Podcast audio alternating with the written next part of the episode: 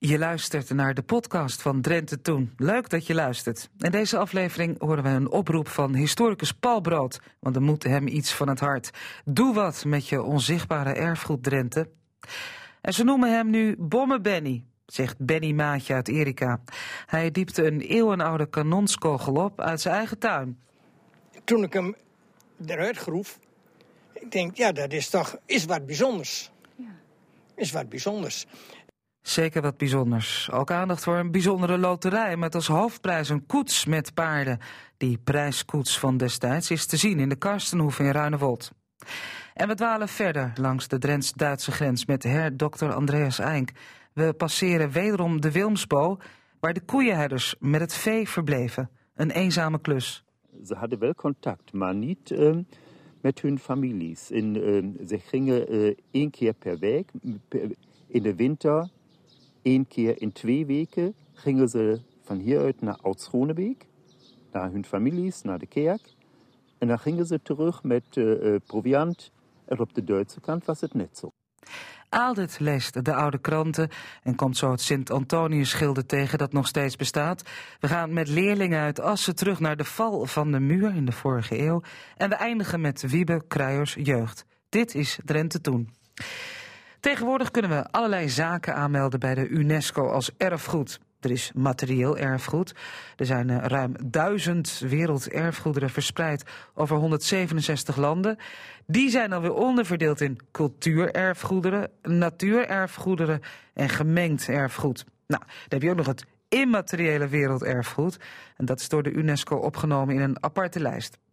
Met al die lijsten kun je voorlopig wel vooruit, zou je zeggen. Maar onze huishistoricus Paul Brood heeft nog een andere vorm van erfgoed ontdekt. Het onzichtbare erfgoed. Zaken die van het aardoppervlak verdwenen zijn zonder dat er een spoor van terug te vinden is. En dat is het geval bij de vele verdwenen huizen van stand in Drenthe. Daar moet en daar kan iets aan veranderen, zegt hij. Een oproep. Staan hier uh, bij de achteringang van Batingen, zou je kunnen zeggen. Ten, net even ten westen van Dwingelo, hè, aan de weg van Dievenbrug naar Dwingelo. Dan zie je, als je daar rijdt, nog die hele lange oprijlaan van uh, Batingen. Dat is toch de oorspronkelijke oprijlaan ook. En dan kom je uit op een terrein waar een gracht omheen ligt. Die gracht is er ook nog. maar verder, ja, het oorspronkelijke havenzaad is helemaal verdwenen. Er staat nu een particulier huis, wat particulier bewoond wordt. Het is privébezit allemaal. Een mooie tuin erbij, maar ja, het is niet meer de tuin van de havenzaad, helaas. Nee, wij mochten er ook niet in, hè? want het is... Ja. Ja, het wordt met camera's bewaakt. Ja.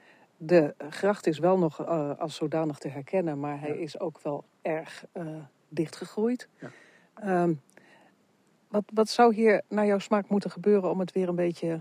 Of zou hier iets moeten gebeuren?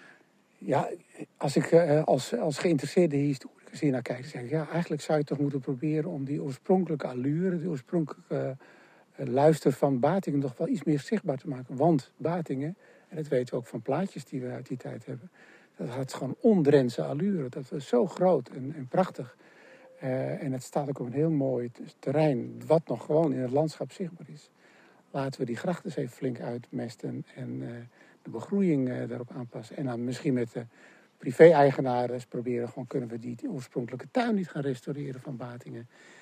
dan heb je iets heel moois, want het, het grondgebied schijnt rijksmonument te zijn. Dus ja, dan, dan mag je er toch ook iets verwachten. Zeker hier in Dwingelo natuurlijk, waar, waar je ook Oldergaarde en Westrup en zo hebt. Dat zijn ook nog oude havenzaten. Er komen hier heel veel mensen in de zomer, heel veel toeristen. Uh, het zou mooi zijn als je dit gebied dan toch nog iets meer zou ontwikkelen. Iets zou kunnen laten zien van, uh, van wat het geweest is. Ik al zet je maar een heel mooi groot bord neer... met die prachtige kleurenkaart van uh, Batingen uit de 17e eeuw, 18e eeuw. Dan kun je zien, nou zo zag het eruit... En laten we met z'n allen ons best doen om daar toch iets van nog te laten zien aan iedereen. Ja, want het is nu privébezit en we worden eigenlijk van het terrein geweerd. Is toch jammer dat. zou het niet een, een mooi idee zijn als het publiek hier toegang zou kunnen krijgen? Ja, ja zeker. En er zijn natuurlijk ook best wel mogelijkheden voor. Er zijn, zeker als we Overijssel nog even aanhalen, daar zijn havenzaten waar je als publiek gewoon op mag. En dan moet je misschien wel een kaartje kopen, of het mag niet op alle tijden. Dat is prima, dat is allemaal te regelen. Maar dan bied je toch nog de gelegenheid even om iets kennis te nemen van die, ja, ik vind het toch wel bijzondere historie van Drenthe die rondom die haven zaten. Dus dat, dat is wel bijzonder. Er waren er niet zo vreselijk veel. In totaal misschien zo'n 10, 20. Nou, laten we dat koesteren, die, uh, dat bezit. En dat zei een bevlogen historicus Paul Brood in een bijdrage van collega Lydia Tuinman.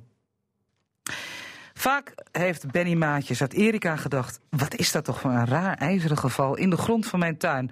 Tot hij eens goed ging graven. En wat blijkt? Het gaat om een eeuwenoude kanonskogel. Vermoedelijk afkomstig van een oude verdedigingslinie, de Bargerschans. Er zit wat.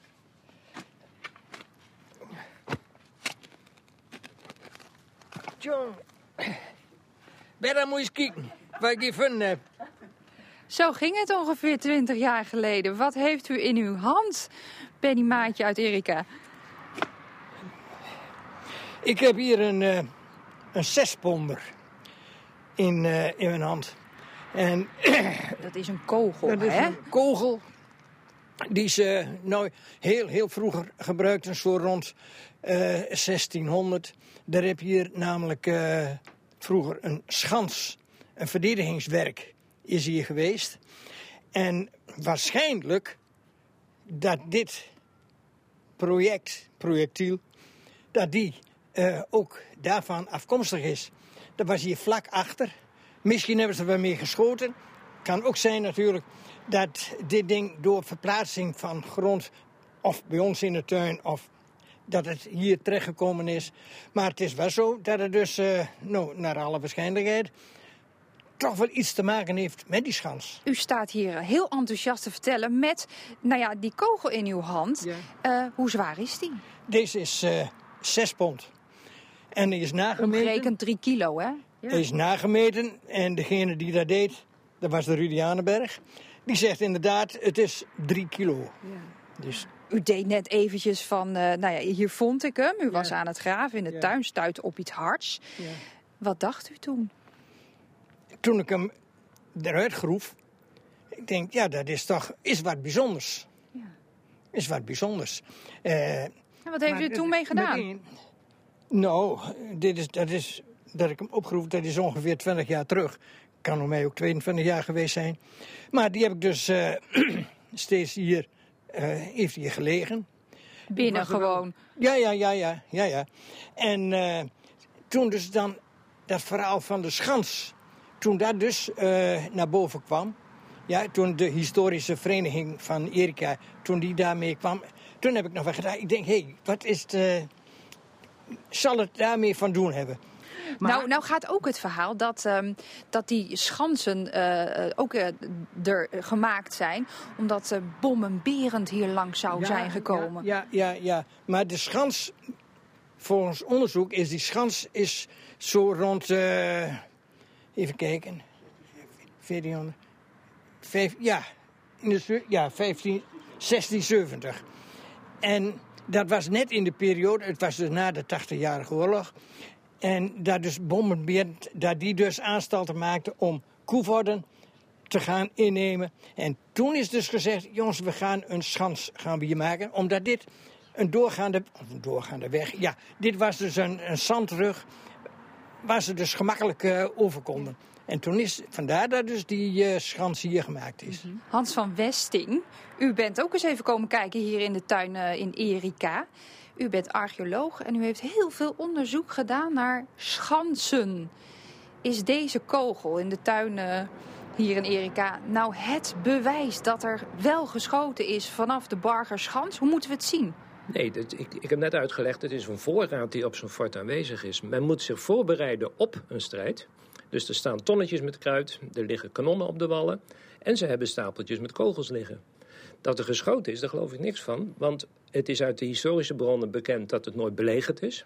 Ze kunnen wel eens een proefschot gedaan hebben, eens kijken hoe ver we komen. Maar een kanon schiet wel 200 tot, tot misschien wel 400, 500 meter. En de schans heeft hier ongeveer 50 meter vanaf gelegen. Dus die ding is gewoon afkomstig van de schans en niet van strijd. Ik dacht ietsjes verder hoor. Nou, mag. Mag voor mij. Mag 100 meter zijn. Nou, lief, liever niet. Maar, uh, maar in, in, in, welk daglicht ziet u dan de vondst van, de, van, van deze kogel? Is het eigenlijk dus heel normaal? Niks bijzonders? Nou, niks bijzonders. Hier dus wel. Maar uh, ik heb heel veel schansen opgegraven en forten in het buitenland. En dan vind je ook heel veel kanonskogels. En dan is altijd de vraag van, is dat een kogel uit de eigen voorraad? Of is er een belegering geweest en is die door een vijandig leger afgeschoten op het fort? Of op de schans. Dat, uh, die vraag heb je. Die vraag speelt hier dus niet, omdat hier nooit gestreden is. Ja. Nou ja, maar ja, daar gaat het spannende verhaal. Bommenberend en verdedigen. Bommenberend heeft hier alles mee te maken. Waarom staat die schans daar? Dat zet je niet zomaar ergens neer. Het was 1665. Eerste Münsterse oorlog. Bommenberend valt Nederland aan. Hij was al onderweg hier naartoe. Hier lag een zandweg van Schonebeek richting Emmen. Onbeveiligd. En toen schrok men van, we moeten wat. Dus toen moest er even snel een schans opgeworpen worden. Dat is in 1665 dus gebeurd. Ze hebben mensen uit omliggende dorpen hebben ze eh, een, een, een paar centen beloofd van... Uh, ja, uit Sleen en andere plaatsen van... jullie moeten ons helpen, want er moet uh, een schans gebouwd worden. De vijand komt eraan. Dus dat is inderhaast gebeurd. Dus bommenberend is de reden waarom die schans hier staat. Oké. En dus uh, hebben ze ook maar voor de zekerheid die voorraden kogels neergelegd. Maar ja, uiteindelijk is die kogel toch wel uh, hier de, uh, de grond ingerold. wat verderop, naar 100 meter afstand. Hoe kan dat? Ja, dat is een ongelukje geweest. Ze, ze, zijn of aan het spelen geweest of elkaar aan, letterlijk aan het bekogelen met kogels. Maar ze zijn hem gewoon kwijtgeraakt. Het is een verloren kogel, naar mijn idee. Is duidelijk niet afgeschoten. Nou, kan ik me ook voorstellen dat het dan een beetje begint te kriebelen. er ligt er één, liggen er eventueel ook meer. Dus, hup, die tuin om, uh, omspitten. Ja, ik heb me ook afgevraagd van zouden er best meer kunnen liggen. Nou, dat is heel makkelijk te onderzoeken tegenwoordig. Met een metaaldetector kun je de omgeving uh, en eventueel de tuinen van de buren ook uh, onderzoeken op andere en nog meer kanonskogels. Dat kan. Nou, daar gaat u vrienden mee maken, meneer Maatje. Ehm, dat weet ik niet. Maar wij zullen wel onze zoon vragen om eens met die detector om eens hier te komen kijken nou eens. Ja. Om te zien of er eventueel nog meer van die kogels uh, liggen. Maar meer dat, kogels dat in de tuin van Bommen Benny. Ja. nee, daar uh, vind ik prima zo. Ja, Bommen Benny. Nou goed, hij was in gesprek. Benny Maatjes uit Erika met Marjolein Larret. Als je de boel eens flink opschudt, dan komt er van onder het stof soms wel iets onverwachts tevoorschijn. Zo ontdekte de restaurateur van een antieke koets van museumboerderij de Karstenhoeven in Ruinewold een heel bijzonder briefje tussen de oude zittingen. U hoort directeur Petra Nieuwenhuis van de Karstenhoeven. Ja, bij het uh, afhalen van de bekleding, toen stuitte de restaurateur op een, uh, een korte uh, tekst. En dan stond in eerste prijs paardenloterij 1901. En hij stuurde ons een fotootje ervan van, nou, van weten jullie dit wel? Uh, nou nee, dat wisten we niet. En toen zijn we dus uh, gaan achterhalen en kijken van wat, wat we daarvan konden terugvinden. De historische vereniging heeft gezocht. En het blijkt inderdaad dat er in 1901 een, een verloting is geweest in Meppel van de paardenloterij. Je, je kon een lot kopen voor een gulden. En de hoofdprijs was deze kerkbrik die als nu hier staat. Een prachtig groen rijtuig aan de buitenkant is die zwart, aan de binnenkant is die groen. Ja, helemaal gecapuchoneerd. Een uh, handvaten eraan, kon vroeger allemaal. Dus het is echt heel chic uh, rijtuig. En het, het was een, uh, de, de prijs was de, deze kerkbrik met het paard erbij en ook het gerei wat erbij hoorde. Dat was wel even een, uh, een prijs die de dat was een, Dat was een hele mooie prijs inderdaad. En het grappige van het verhaal is dat, uh, dat de man die alsmaar uiteindelijk gewonnen heeft... er eigenlijk helemaal geen belang bij had. Hij heeft van tevoren nog geprobeerd zijn loten te verkopen. En dat is hem niet gelukt. En uh, uiteindelijk, hij won hem dus. En hij, hij, had er geen belang bij en heeft hem nog dezelfde dag weer te koop gezet. In dezelfde krant staat ook een advertentie uh, dat hij weer te koop was. Oh, even kijken, want jullie hebben het hier allemaal hangen, hè? Ja, we hebben het allemaal ja. terug. Uh, alles teruggevonden. Oké. Okay. Het archief, je kunt alles uh, vinden. Uh, en er staat inderdaad de, de, het stukje in de krant waarin staat dat hij hem gewonnen heeft. ook dat, het, dat hij ze heeft geprobeerd te verkopen. En in dezelfde krant publiek verkopen. Den eerste prijs uit de Meppelen Paardenloterij, bestaande uit braak, paard en gareeltuig. Dus het werd ook gelijk weer uh, verkocht.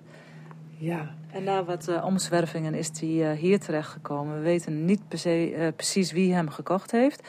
wel uit welke familie hij later gekomen is. En door vererving uiteindelijk bij de mensen gekomen is waarvan wij hem hebben kunnen kopen. Aha een koets met een uh, onvermoede geschiedenis. En die staat hier nu in Museum de Karstenhoeve tentoongesteld. Met daarbij de foto's van uh, de advertentie uh, in de krant. Meppeler paardenloten. Tweede grote verloting van prachtige equipages, rijtuigen, schone exemplaren, paarden, koeien, schapen enzovoorts. Nou, dat. en dan voor 1 euro, 1. En dan voor 1 gulden per lot. ja. ja. Aantal loten 12.000. Dus nou ja, het was wel een lot uit de loterij, inderdaad, deze ja, ja. kerkkoets. Ja, het zal je maar gebeuren. Een complete koets met paarden winnen. Ik zou zelf ook niet weten waar ik die laten moest. De koets zelf staat tentoongesteld bij de Karstenhoeve in Ruinewold. Ga eens kijken, het is een interessant museum. U hoorde een bijdrage van Lydia Tuinman. Old Nijs. Collega Lydia Tuinman gaat wederop in deze uitzending op pad met historicus Paul Brood. Heeft ze eerder dan naar Vanij een plek waar ooit een statig adellijk husten. Daar zijn altijd mooie, spannende zoektochten. In het kader daarvan vinden wij een artikel in het Nijsblad van Friesland, ja, Hepkema's Courant van 22 april 1911. Alweer dikke, dikke honderd jaar geleden. En dat artikel gaat over huisbatingen bij Dwingel, ook zo'n echt huis van stand, waaruit een hele bijzondere traditie is ontstaan. Een gilde. Een gilde dat tot op de dag van vandaag altijd nog bestaat. Het artikel in die Friese krant begint met een eigenaardig gilde. Te Dwingelo, in Drenthe, bestaat nog een instelling welke al twee eeuwen oud is.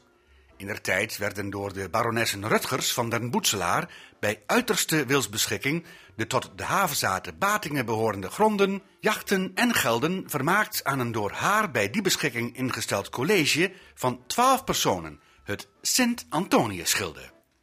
De twaalf gildebroeders werden door haar aangewezen en moesten zich houden aan de volgende bepalingen. Telken jaren, in de laatste helft van januari, op een bepaalde datum, des morgens 9 uur, komen zij bijeen, des avonds 9 uur gaan zij weer uiteen. Zij worden voor hun hele leven gekozen en vullen de ontstane vacatures zelf aan. De nieuw gekozene moet, als hij in functie treedt, leveren een vat zoet bier en een stuk boter van minstens 3 kilogram, waarin drie zilveren munten moeten gestoken worden. Daartoe is ook verplicht de familie van een overleden lid. Laatst gekozen lid moet op de dag van samenkomst verschillende noodzakelijke werkzaamheden verrichten. Het middagmaal van de broeders bestaat die dag uit grauwe erwten, rundvlees van de tiende en elfde rib, rijstebrei met suiker en zoet bier. Van 12 tot 4 uur worden door de belastingschuldigen de pachten, renten en huren betaald, waarvoor ieder een fles bier mee naar huis krijgt. Des avonds van 5 tot 7 wordt een bedeling gehouden van kledingstukken, levensbehoeften en geld. Om 9 uur wordt de bijeenkomst gesloten. Ook in andere tijden van het jaar verlenen de gildebroeders wel hulp. Menige behoeftige, die een stuk vee door ziekte verloor, is in de loop der tijd door het gilde uit zijn nood gered. Ja, mooi hè? Bijzonder gilde, en ik zeg al, dat gilde bestiet altijd nog, het Sint-Antonius-gilde in Dwingel.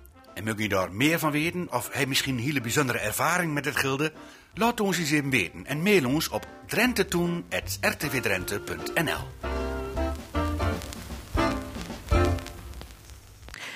Meer dan 80 bowen waren er ooit in het grensgebied bij Nieuw-Schonebeek. En een bo, dat is een veehut waar herders, meestal vrijgezelle knapen, met het rundvee verbleven omdat de weidelanden te ver van de dorpen verwijderd lagen. Al sinds de 13e eeuw waren er in heel Europa zulke uithoven. En wij gaan met onze deskundige grensgeschiedenis Andreas Eink op de Duits-Drentse grens naar de Wilmsbo. Dat heeft hier op, uh, heeft op de Duitse kant tot ongeveer 1870 geduurd, in uh, Nederland ongeveer tot 1850. En het is uh, bijna een wonder dat deze boer bewaard gebleven is. Ja, het is aan de andere kant van de grens zijn, is ook zoiets niet meer te zien? Is daar niet meer te zien. Die zijn allemaal in het uh, begin van de 20e eeuw verdwenen. We weten die namen nog. Het, uh, um, er zijn ook boeren waar nu, waar nu nieuwe huizen staan op de plaats van de oude Bo, wo het nog bekend is of wo die naam nog bewaard gebleven is. Maar dit is het laatste gebouw van de Bo wat nu nog bestaat. Daar moeten we dus zuinig op zijn. Ja. Ik heb hier nog een boek meegebracht. Ja, Daar heeft de meneer Rotterink uit eh, Emmelkamp, die heeft een stukje geschreven over de boon im Ahrtal. En daar zie je ook oude foto's. Dit is de Wilmsbo, waar wij nu staan. En dit is een oude foto van een bo op de Duitse kant van de grens. Maar dat is dezelfde wijze Van bouwen, van, ja. van, eh, van bouw. Altijd met een grote veestal en een heel kleine woning zonder, ehm, zonder een muur tussen keuken en veestal met een open haardvuur en alleen een slaapplaats voor de boheer. gezellig met de koeien in één ruimte. Gezellig met de koeien in één ruimte. Dat is eh, onbegrijpelijk, maar in die tijd was dat normaal. In de grote boerderijen ja ook, maar hier was het eh, dicht bij elkaar. Die konden tussen de koeien slapen. En de jongens die hier dan eh, voor dat vee moesten zorgen, die groeiden hier ook dan in een soort, soort eenzaamheid op eigenlijk. Ja, maar hier op de, Duit- eh, op de Nederlandse kant waren ongeveer eh, 50 boeren. Op de Duitse kant, dat is ja hier ook niet ver weg, eh, 30. En daar hadden ze altijd buurmannen. Konden, avonds konden ze zich bezoeken, konden naar de, naar de Duitse kant gaan. Ze hadden wel contact, maar niet ehm, met hun families. In, ehm, ze gingen eh, één keer per week, in de winter, één keer in twee weken, gingen ze van hieruit naar Oud-Schonebeek naar hun families, naar de kerk. En dan gingen ze terug met eh, proviant. En op de Duitse kant was het net zo. Daar kan je bijna niks meer bij voorstellen bij zo'n soort leven. Ja, maar dat bestaat ja nu nog in de, eh, in de Alpen. In, eh, in Duitsland of in eh, Ös- eh, Oostenrijk. Daar bestaat dat nog boven in het... eh, ehm, in Ja, de- Daar gaan ze de dorpen uit met de koeien naar boven, de bergen in. Ja. En dan zie je ze voorlopig ook niet terug. ja, en zo was dat hier vroeger in het Ahrtal natuurlijk ook. Dat is onbegrijpelijk. Ja, en trouwens, die Wilmsbo uit 1640 brandde in oktober 2004 af. Wilmsbo was eigendom van de Drentse oudheidkundige stichting De Spieker. En in maart 2005 werd begonnen met de herbouw. Die herbouwde Wilmsbo werd op 4 juni 2008 officieel geopend door prinses Margriet. En deze replica heeft nu een woonfunctie. Volgende week dan gaan we met Andreas Eink naar Nieuw-Schonebeek, een Duits dorp op Drentse grond. Drenthe Toen, archief. Ja, want afgelopen woensdag was het de dag van de Duitse eenheid. En dan wordt bij de Oosterburen gevierd en herdacht dat Oost- en West-Duitsland officieel verenigd werden. Dat gebeurde op 3 oktober 1990. De val van de muur was natuurlijk al daarvoor, 9 november 1989. U gaat luisteren naar een paar Drentse ooggetuigen van die gebeurtenis. We waren eh, in de disco en toen kwam er op een gegeven moment iemand, iemand binnen van ah, de muur is open en gauw naar buiten. En we hadden echt van ja.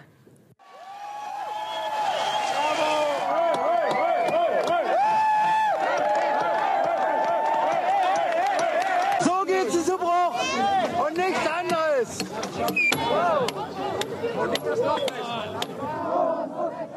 Nu kwam er een echtpaar met twee kinderen in pyjama, met laarsjes aan. En die eh, zeiden, ja, de, de muur is eh, gevallen en we zijn de grens over. En we willen onze familie bezoeken, maar we hebben geen West-Duits geld om eh, te telefoneren.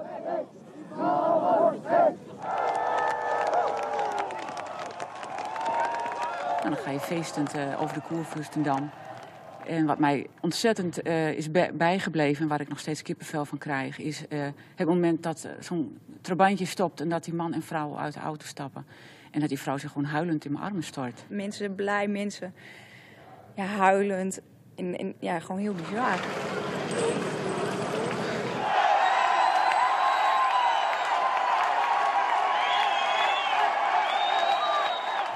En met name ook die geur van de trabantjes. Dat, dat, ja, als ik kan het zo oproepen als ik aan die avond denk van ah, vies. Maar ook weer, ja, ook weer een hele blije geur.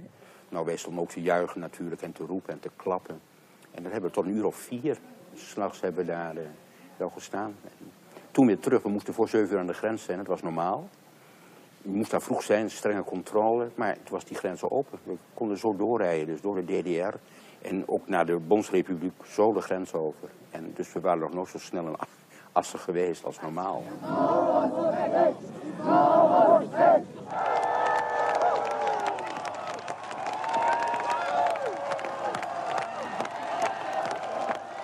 Toenmalige HAVO 5-leerlingen van het Nassau College in Assen hoorde u en hun leraar Duits Bert Prins. Ze waren op excursie in Berlijn toen de muur viel en de val betekende het begin van de hereniging van Duitsland. Ja, we zijn toe aan het vaste onderdeel aan het eind van dit programma. Onze vaste uitsmijter komt uit het boek Jeugdherinneringen van Wiebe Kruijer uit Kropswolde. Hij groeide op in Eelderwolde en als 80-plusser tekende hij alles op wat hij zich nog van deze tijd wist te herinneren. En het leverde honderden korte maar rake schetsjes op, waarmee hij de lezer meeneemt naar vervlogen tijden van zijn jeugd en nu ons ook. Collega Robert Oosting kruipt in de huid van Wiebe Kruijer.